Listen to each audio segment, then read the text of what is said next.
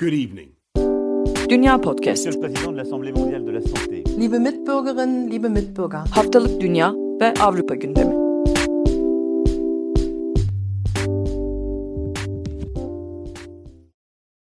Podcast'ten herkese merhaba. Ben Seda Karatabanoğlu. Program partnerlerim Nida Dinçtürk ve Akın Art'la birlikte 10 Nisan Cumartesi günü bir araya geldik ve Avrupa'nın gündemini size aktaracağız. Öncelikle sözü Akın'a vermek istiyorum. Covid gündeminin yanı sıra aslında siyasi gelişmeler de var Almanya'da. Seninle başlayalım istersen. Tamam ben her zamanki gibi Covid gündemiyle başlayayım. Artık değişmez bir gündemimiz maalesef. Bir süre daha da öyle olacak belli ki.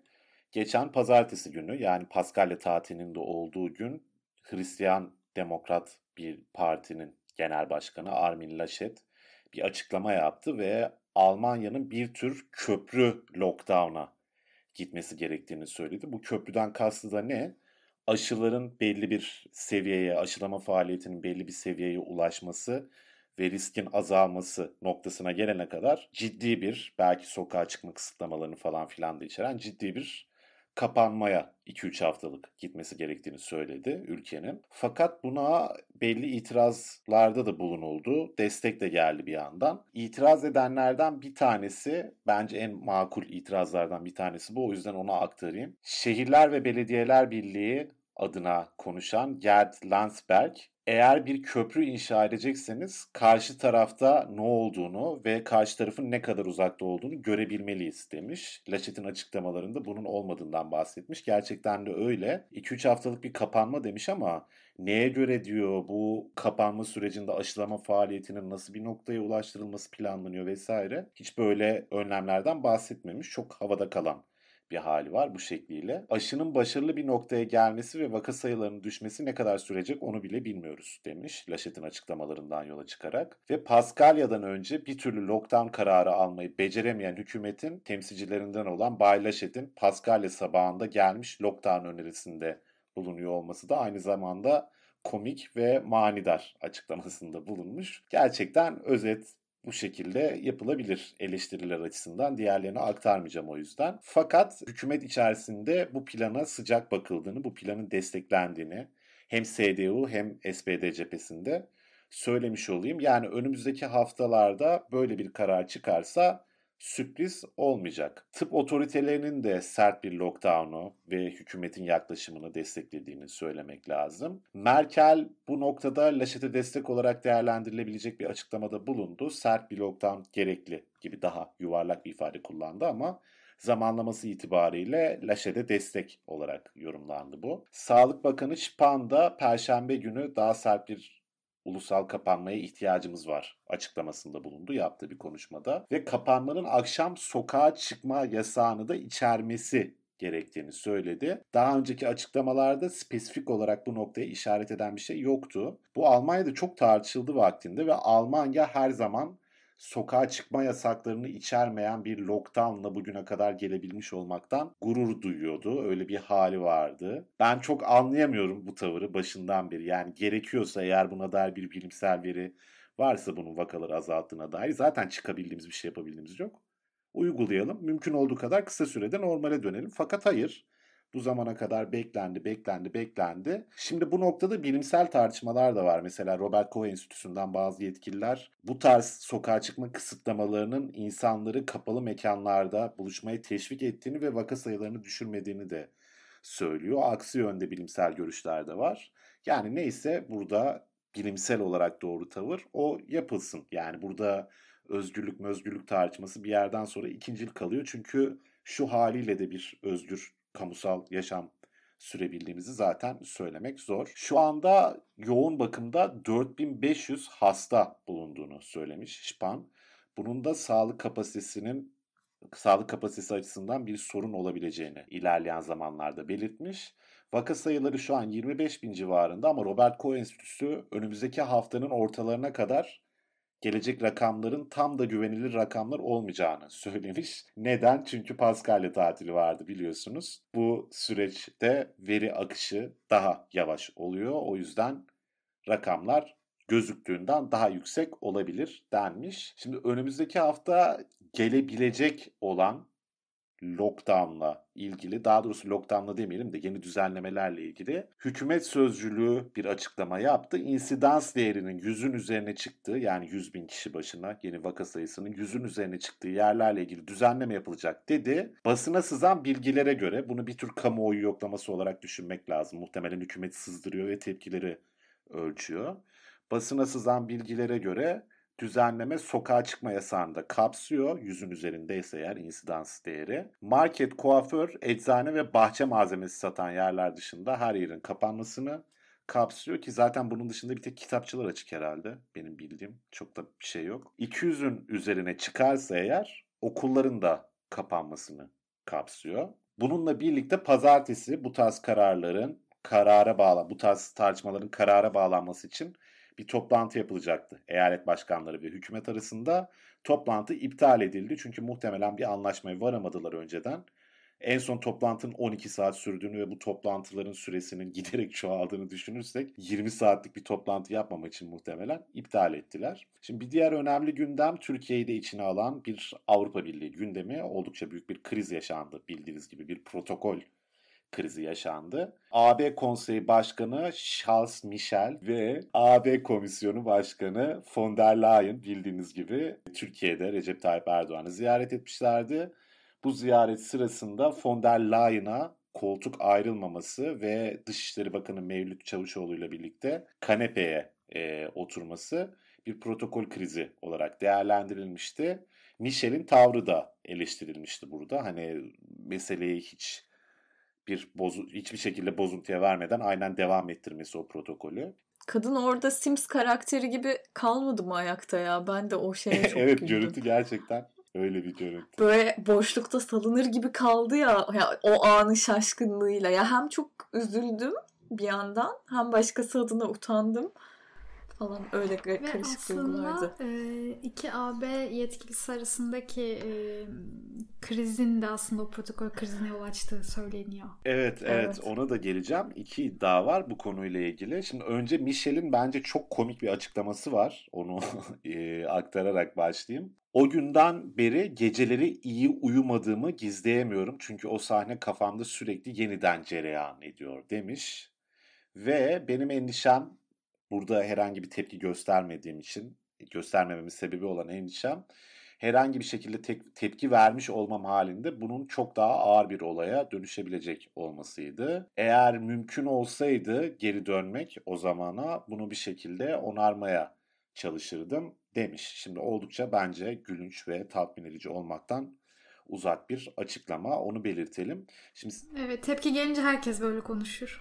Aynen öyle. Bir de yani nasıl bir kriz yaratabilirdi yani bu çok da aslında toparlaması zor olmayan bir şey olsa gerek de neyse şimdi çok diplomasi ve bürokrasi şeyi çok da bilmediğimiz alanlarda çok yorum yapmayayım.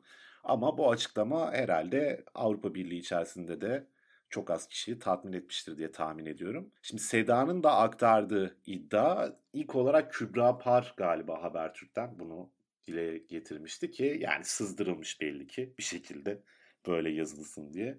O da dile getirmiş. Oturma düzeninin Michel'in ekibi tarafından ayarlandığını, daha doğrusu onaylandığını belirtmiş Kübra Par. Ve iki ekip arasında bir çekişme olduğundan bahsetmiş. Bu iki ekip arasındaki çekişmenin de aslında Avrupa Birliği içerisindeki Merkel-Macron çekişmesinin bir yansıması olduğunu söylemiş falan filan ama bu da ne kadar doğru bilemiyoruz. Fakat Türkiye tarafından yapılan açıklama ve basına sızdırılan bilgiler bu şekilde. AB Konseyi Genel Sekreterliği protokol ve toplantılardan sorumlu bilimi de bir açıklama yapmış. Burada Türkiye'nin bir iddiası onaylanıyor bu arada. Von der Leyen'ın ekibinin toplantıya yani protokol toplantısına katılmadığı söyleniyordu. Burada da von der Leyen ekibinin toplantıya katılmadığı söylenmiş. Fakat e, Türkiye tarafının toplantı ve yemek odasının incelenmesine izin vermediği de belirtilmiş. Yani diğer taraflar gezilmiş, protokol konusunda anlaşılmış. Fakat o oda ve sandalyelerin olduğu yer görülmemiş, buna izin verilmemiş. Gerekçe olaraksa odaların Cumhurbaşkanlığına çok yakın olmasını göstermiş Türkiye yetkililer. O yüzden sizi içeri alamayız demişler. Şimdi şunu da söylemek lazım. Bu konu özelinde yani bilenler çoğunluktadır büyük ihtimalle ama tekrar etmiş olayım ben. Von der Leyen'ı mesela Avrupa Birliği'nin bir ülke olarak varsayacak olsaydık von der Leyen'ı hükümetin başı başbakan olarak görmek e, doğru olur. Michel'i ise cumhurbaşkanı olarak konumlandırmak doğru olur.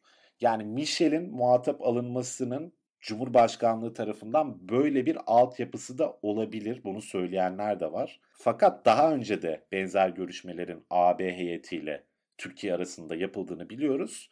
Ve o görüşmelerde üçlü olarak eşit konumda bulunulduğunu fotoğraflarda da görmek mümkün.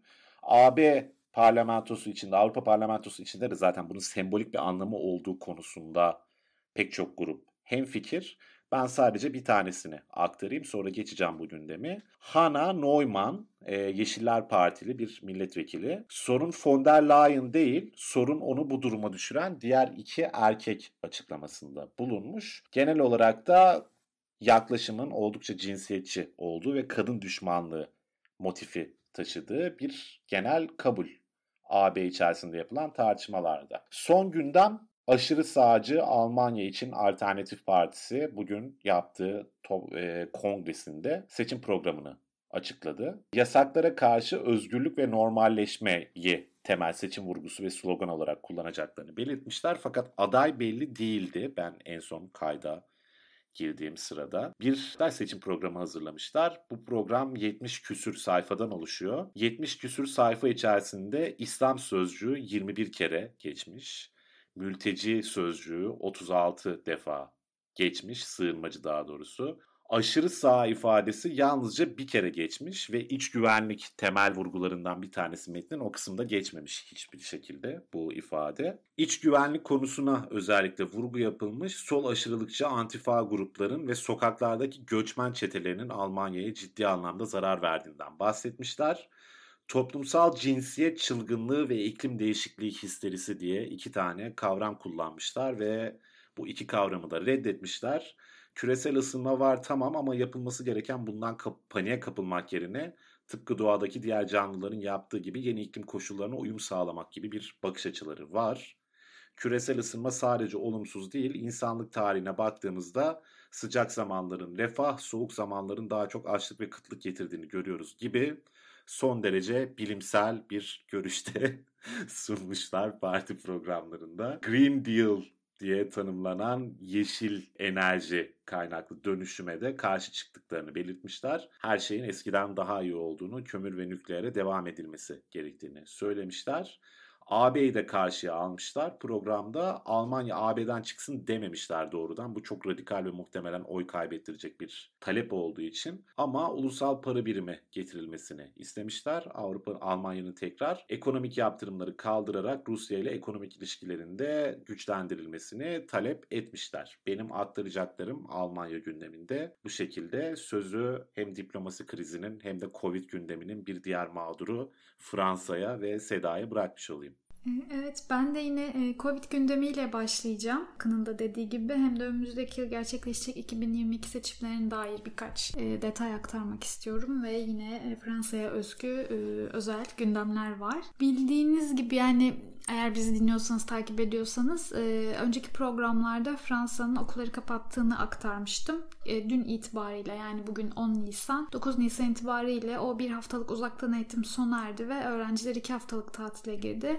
Sonrasında kademe kademe okula dönecekler. Fransa'da toplam e, koronavirüse yakalanan kişi sayısı 5 milyona yaklaştı. 98 binden fazla kişi de hayatını kaybetti Covid-19 nedeniyle. E, dünün rakamları 9 Nisan'a ait e, rakamlar 41 binden fazla kişinin Covid-19'a yakalandığı yönündeydi. Şimdi salgın yayılımı hızlı sürüyor yani herhangi bir yavaşlama yok. E, ancak hükümet Mart 2020'den beri e, yürürlükte olan sağlık olağanüstünü kaldırmak için hareket harekete geçti. AFP'nin aktardığına göre e, meclis kaynakları hükümetin sağlık olağanüstü halini sona erdirmek için e, bir tasarı üzerinde çalışıyor. Bu tasarı 28 Nisan'da Bakanlar Kurulu'na 10 Mayıs'ta da meclis gündemine taşımayı planlıyorlar. Sağlık Ortalık olağanüstü hali sokağa çıkma yasakları ve karantina uygulamalarına zemin hazırlayan bir e, uygulamaydı. Bir siyasi uygulamaydı. Meclis kaynaklarına göre yine hükümet karantina ve sokağa çıkma yasaklarını e, ortadan kaldıracak bir metin hazırlıyor ve metin içeriğinde e, maske takma e, olacak ve yine e, sınırları geçmek için zorunlu testlerin e,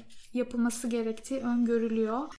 Diğer bir gündem 2022 yılında yapılacak Fransa Cumhurbaşkanlığı seçimleri. Fransız siyasetçi Philippe de Ville geçtiğimiz hafta bir televizyon programına katıldı ve e, gelecek yıl yapılacak seçimlerde Cumhurbaşkanı Emmanuel Macron'un olası bir aday olamayacağından bahsetti. Böyle bir öngörüde bulundu. 1986 ve 87 yıllarında Chirac hükümetinde Kültür Bakanı olarak görev yapan ve daha sonra Mouvement pour la France e, siyasi hareketinin kurucusu olan Ville 2017 seçimlerinde olduğu gibi Macron ve Le Pen'in e, arasında bir yarış öngörmediğini söyledi. E, Ville bu öngörülerin aslında e, biraz Covid-19'a dayandırıyor ve Macron'un e, simgeleştiği sokağa çıkma yasakları ve karantinalarla bağdaştırıyor. Macron ilişkilerini zayıfladığını söylüyor ve gelecek yıl kendisini e, temsil edemeyecek diyor. E, ve şöyle bir cümle kullanıyor. Bir insanı bir yıl hapse tıktığınızda yani bu hapis e, eve tıktığınızda insanlar bunu hatırlıyor ve bu iyi bir anı değil adınız bir kez talihsizlikle ilişkilendirildiğinde talihsizlikle ayrılırsınız diyor. Yani Cumhurbaşkanı görevinden kötü bir şekilde ayrılacağını, bir kayıp ayrılacağını söylüyor. Yine Fransızların bıkmış durumunda olduğunu, e, şu an yaşadığımız sağlık krizi sona erdiğinde olası ayaklanmaları mümkün olabileceğini söylüyor ve şu an eve kapandığımız dönemleri bir donma dönemi olarak tarif ediyor. E, bu yaz ya da sonbaharda Fransızlar özgürlüklerine kavuştuğunda çözülen buzların çığlara yol açabileceğini söylüyor. Yani e, Fransa'da yeni sokak hareketleri gelişebilir. Bundan bahsediyor. Yine bu konuyla e, ilintili olarak aşırı sadece ulusal cephenin lideri Marine Le Pen de dün 9 Nisan'da 2022 Cumhurbaşkanlığı seçimlerinde aday olacağını söyledi. 2017 seçimlerinde şu anki Cumhurbaşkanı Macron'la ikinci tura kalan ve kaybeden Le Pen kendilerine çıkan anketleri atıfta bulunarak Fransızlar benim bir iyi bir aday olduğumu anladı dedi. Diğer bir gündem yine Fransa'ya özel bir gündem aslında. Belki dinleyicilerimiz Türkiye basınında da denk gelmiş olabilir ama hani çok e, yer almadı yine Türkiye basınında. Geçtiğimiz hafta Paris'in ikinci bölgesinde bir restoranda, lüks bir restoranda e, emsiz gazetecileri bir bir restorana gidiyor ve o restoran aslında maskesiz girilen bir restoran olduğu ortaya çıkıyor. Aslında bunu bilerek gidiyorlar. Restorandaki menü fiyatı 500 euroya kadar çıkıyor ve menüde havyar, kaz ciğeri, istakoz, şampanya gibi e, üst segment ürünler var ve video ile belgeleniyor bu restoranın durumu. Gazeteciler oraya gittiğinde garsonlardan biri uyarıyor ve diyor ki hani maske buraya gelenler maskesini çıkarıyor. Kapıdan içeri girdiğinizde artık burada Covid yok. İnsanların kendilerini rahat hissetmelerini istiyoruz diyor. Restoranın içinden çekilen görüntülerde içerideki müşterilerin doğal olarak maskesiz olduğu ve sosyal mesafe ihlal eden yakınlıkta olduğu görülüyor. Bu görüntüler hem sosyal medyada hem medyada e, çok yer buldu. Özellikle sosyal medyada büyük tepki çekti. İlk başta bu restoranın nerede olduğu, kime ait olduğu, kimlerin gittiğine dair sorular soruldu. O restoranın kime ait olduğu yani hesap soruldu aslında özellikle sosyal medyada. Restoran sahibinin Pierre Jean Chalençon adında e, bir e, Napolyon Bonaparte tutkunu olan bir koleksiyoner olduğu e, ortaya çıktı ve kısa süre için aslında restoranın iç dekorasyonundan nerede olduğu, hangi restoran olduğu, kime ait olduğu çok kısa bir süre içinde aslında konuşulmaya başlandı. Restoran sahibi Chalonson 2012 yılında e, Frans 4 kanalında bir program yaptı yine ortaya çıktı yani söylendi. E, yine restoran müşterileri arasında bakanın olduğu basına yansımıştı ancak bu çok büyük tepki çekti. Özellikle sosyal medya kullanıcıları bu bakanlar kimler isimlerini istiyoruz dedi. E, bu tepkilerin ardından e, Şalanson avukatı bunun aslında bir mizah olduğunu savundu ve e, müşteriler arasında bakanların olmadığı söylendi. Görüntüleri e, sosyal medyadaki ve basındaki tepkilerden sonra İçişleri Bakanı e, Gerald Darmanin bir açıklama yaptı. E, Paris Emniyet Müdürlüğü'nün görüntülerin doğrulanması halinde yemek organizatörlerin ve katılımcıların yani müşterilerin aleyhinde bir soruşturma yapılmasından yana olduğunu söyledi. Tabii ki Paris Emniyet Müdürlüğü de İçişleri Bakanı'nın açıklamasından sonra bir e, soruşturma başlattığını söyledi. Diğer bir gündemim yine e, Fransa'ya özel bir gündem. Geçtiğimiz hafta Fransa'da gündüz ve gece sıcaklığı arasında müthiş bir e, fark vardı. Çok güzel bir hafta geçirdik. Hava güzeldi ancak geceleri çok soğuktu ve üzüm bağları donmasın diye çiftçiler kandil, mum ve küçük ateşler yakmaya başladı ve aslında böyle hem e, yani kötü bir olaydan ortaya çıkan muazzam fotoğraflar vardı geçtiğimiz hafta Fransız basınında. E, tabii ki Fransız çiftçiler e, mağdur oldu, zarar gördü. Pek çok bağ dondu.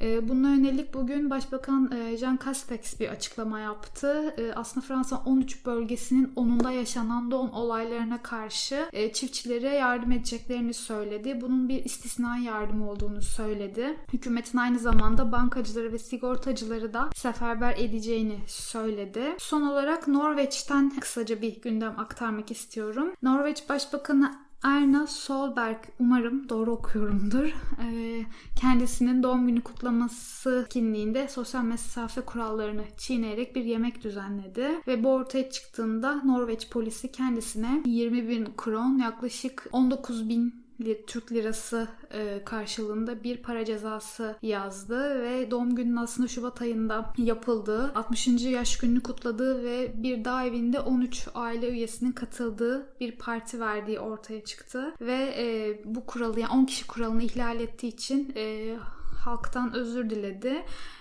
Bunu bültende de paylaşırız. Euronews'te bir görüntü var. Polis şefi açıklama yapıyor kendisinden. Norveç'in seçilmiş kişisi olarak bahsediyor. Ancak kendisinin seçilmiş olması kurallara uymayacağı anlamına gelmediğini, aksine Covid-19 yasakların yasaklarıyla bağdaştığı için kendisinin daha çok dikkat etmesi gerektiğini ve bu cezadan azade olmadığını söylüyor. Başbakan Solberg ise e, ceza itiraz etmeyeceğini, kabul edeceğini, bunun bir hata olduğunu söylüyor. Muhabir diyor ki hani siz e, Covid-19 yasakları getiriyorsunuz, uymanız gerekmez miydi? E, kendinizle çalışıyorsunuz diyor. Ee, tekrar diyor ki hani Norveç halkı insanların hata yapabileceğini, hata yaptığında da bunun bedelini ödeyeceğini biliyor. Bu yüzden e, cezaya itiraz etmeyeceğim diyor ve e, böyle de bir video var. Bültende de paylaşmış oluruz diyerek sözü Nida'ya vermek istiyorum. Aslında çok tarihi bir olay yaşandı İngiltere'de. Prens Philip e, 100 yaşına basmasına birkaç ay kala hayatını kaybetti. Geçtiğimiz haftalarda da hep sağlık sorunlarını aktarmıştı Nida. Asıl haftanın gündemini dinlemek üzere e, Nida'ya bağlanalım.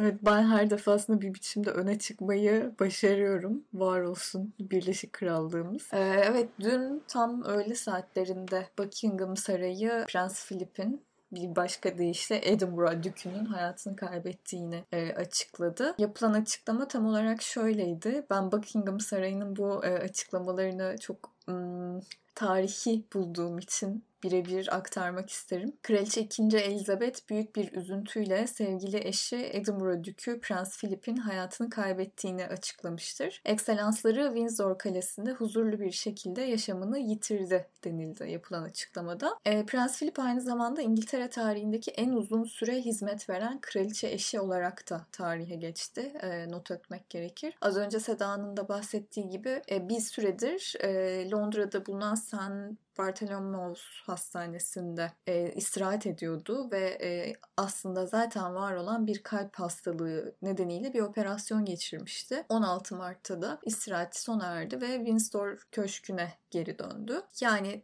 Nereden baksak hastaneden çıkışından yaklaşık 2-2,5 hafta kadar sonra hayatını kaybetmiş oldu Philip. Prens Philip. Koskoca prense de adıyla hitap etme cüretim.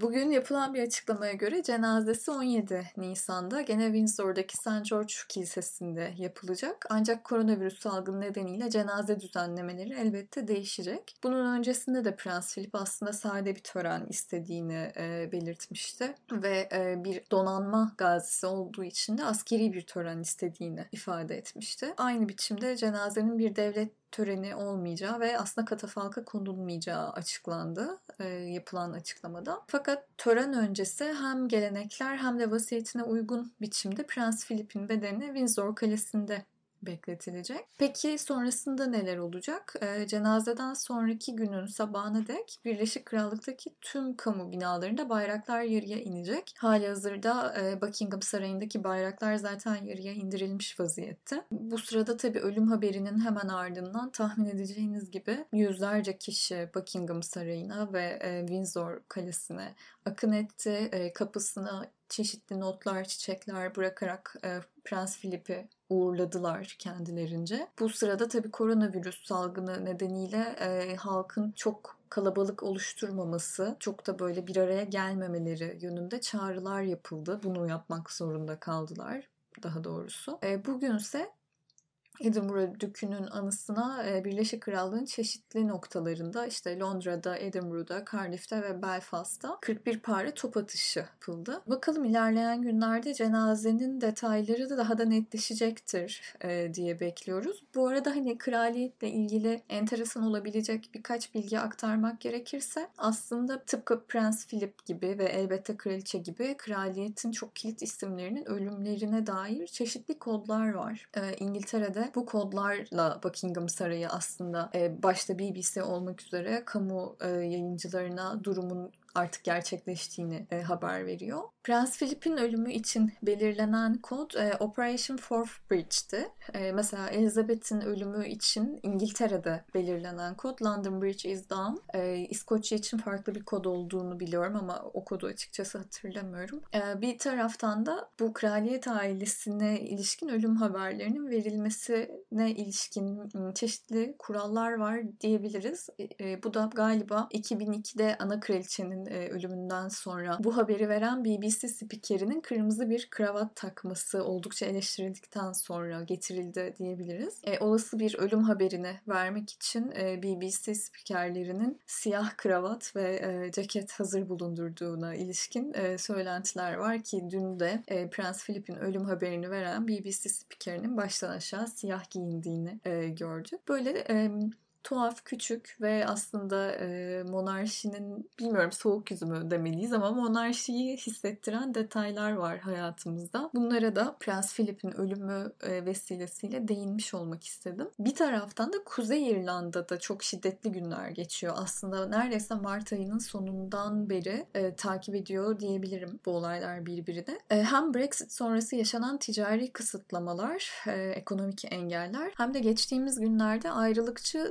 Sinn Féin Partisi üyelerinin e, cenaze töreninde koronavirüs tedbirlerini ihlal etmesine birlik yanları tepki gösterince bir dizi protesto başladı Kuzey İrlanda'da. Protestoların şiddeti o kadar arttı ki göstericiler göstericiler bir otobüs ve park halindeki e, arabaları ateşe verdiler. Perşembe günü polisin e, şiddetin dozunu arttırmasıyla şehirde Belfast'ta oldukça karışık e, saatler yaşandı. Cuma günü yani dün e, Prens Philip'in ölümünün ardından da aslında olaylar çok durulmadı ki hani bir sakinlik çağrısı yapılmıştı ölüm haberinin ardından. E, neler oluyor peki? E, tabii polis ve göstericiler arasında oldukça yüksek tansiyon e, izliyor diyebiliriz. E, bir otobüs kaçırıldı bu sırada bu gösteriler sırasında Belfast'ta. Kaçırılan otobüste sürücü ve yolcuların e, yaralanmadığı ama polise saldırıların devam ettiği e, notu geçildi. İngiltere Başbakanı Boris Johnson bir açıklama yaptı ve hani derin endişe duyduğunu e, dile getirdi bu yaşananlardan. Perşembe günü gerçekleşen gösterilerde e, göstericilerin attığı molotof